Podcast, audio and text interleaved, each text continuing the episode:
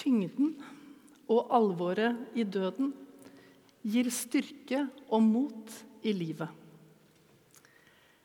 Jeg leste denne setningen nettopp på psykologisk.no. Hun som skrev artikkelen, fortalte om hvordan ektemannens død hadde endret hennes eget og barnas liv. Det intense i døden gir liv til livet, sa hun. Den siste tiden har det gått en debatt her i Norge om hvorvidt det er ok av en kunstner å male et portrett av en døende far. Plutselig kom døden og overhumpla oss alle sammen, sier kunstneren. Og da visste jeg at jeg måtte reagere på situasjonen og klare å skildre det. Det var helt nødvendig å gå dypt inn i det sa han.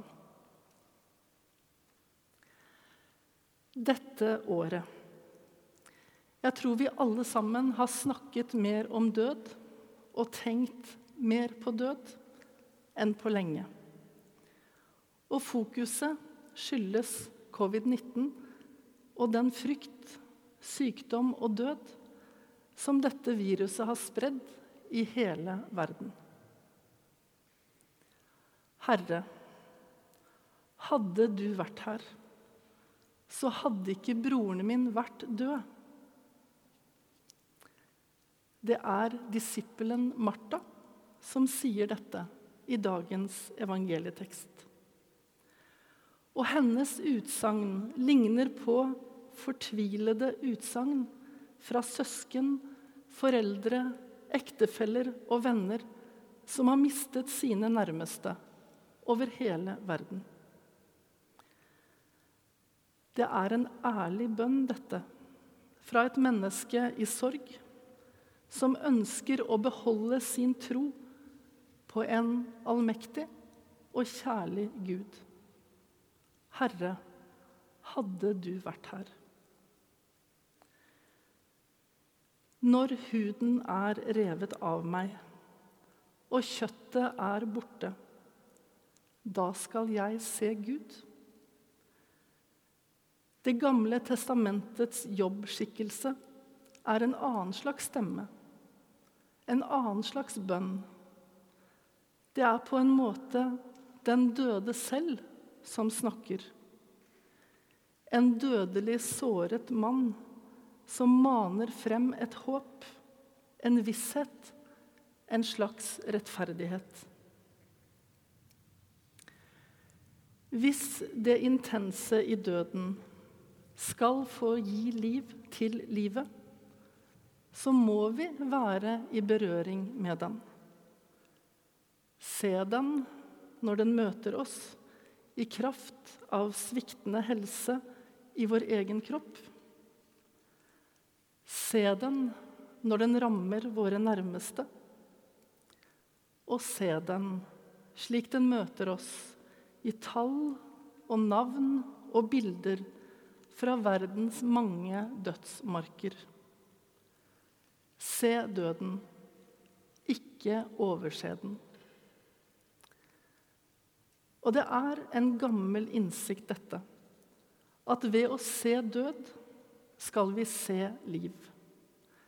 Memento mori kalles det, både i kunsten og i teologien. Memento mori. Husk døden. For at du skal kjenne kjærlighet og glede ved livet. Og leve til du dør. Og å leve om du dør. Memento mori-tankegangen omdirigerer vår frykt til håp slik Jesus omdirigerer Martas oppmerksomhet. Bort fra en provosert og fortvilet tilstand og over til den påle av håp som Jesu skikkelse er. Jesus får henne til å feste både blikk og tillit til ham og sier, 'Jeg er oppstandelsen og livet.' Og den som tror på meg, skal leve om han enn dør. Møtet med brorens død fører Martha inn dypere i livet. Men vi vet at møter med døden også alltid vil utfordre tilliten og troen. Likevel er det slik at den tro og tillit som aldri konfronteres av død, den opphører. Verken tro eller tillit kan vokse i et livsvakuum. De er av en slik art at de vokser gjennom nedbryting. Og veksten tar den tiden den tar. Og den finner de holdepunktene den trenger. Slik lærer livet oss at livet er. Hva utfordrer vår tro og vår tillit? Hva er det som kan få oss til å si som Martha Du skulle vært her, Jesus. Da hadde ikke broren min dødd. Eller som den plagede jobb. I døden i alle fall, Herre. Når mitt kjøtt er tæret bort, da skal jeg vel få se deg. Da skal jeg vel forstå. Hva får oss til å sukke slik? Til å be slik og til å søke Gud slik.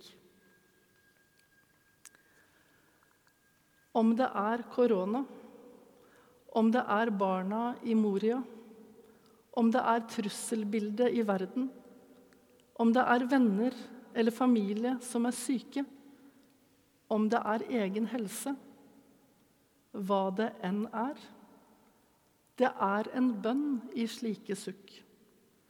Bønn som skal finne sitt svar hos en som selv har smakt døden.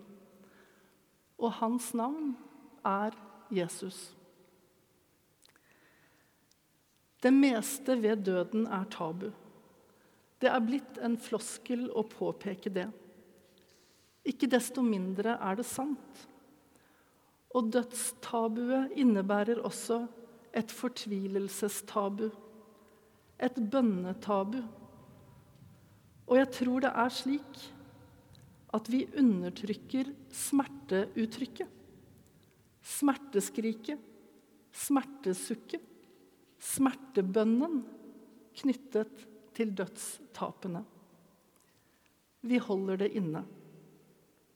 Det betyr at hadde vi vært Martha, så hadde vi ikke villet la Jesus se den døde Lasarus. Vi ville heller ikke ha vist ham vår sorg og fortvilelse. Vi ville kanskje ikke sluppet ham inn. Mesteren er her og spør etter deg, sier Martha til Maria, etter at hun har utøst sin sorg, sin indignasjon og sin tillit og sin tro i møte med Jesus. Hun vil dele med sin søster. Mesteren er her og spør etter deg. Det er et budskap i dette. Våre erfaringer av død, vår frykt, vår sorg, det er ikke et punktum. Det er et kolon. Det åpner for noe. Det åpner for dypere liv. Det åpner for dypere kontakt. Så når vi synker, når, når, vi føler oss like døde som bladene som faller av trærne, når vi føler oss like forfrosne som gjenglemte epler i septembertrær, så skal vi vite vi faller i levende hender. Ved enden, i dypet, bakenfor den siste dør, står Jesus. Han sier, 'Jeg er oppstandelsen'. Du skal leve med meg i en fortsettelse som er trygg, åpen og sann.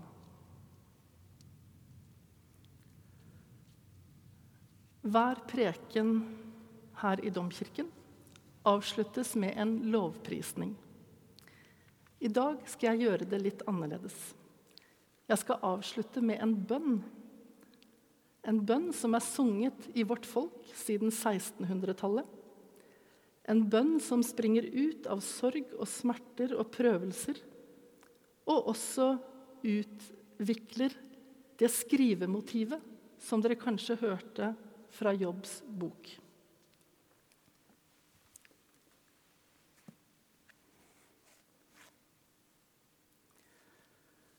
Skriv deg, Jesus, på mitt hjerte. Du min konge og min Gud. At ei lyst, ei heller smerte, deg formår å slette ut. Denne innskrift på meg sett, Jesus ifra Nasaret. Den korsfestede min ære og min salighet skal være. Amen.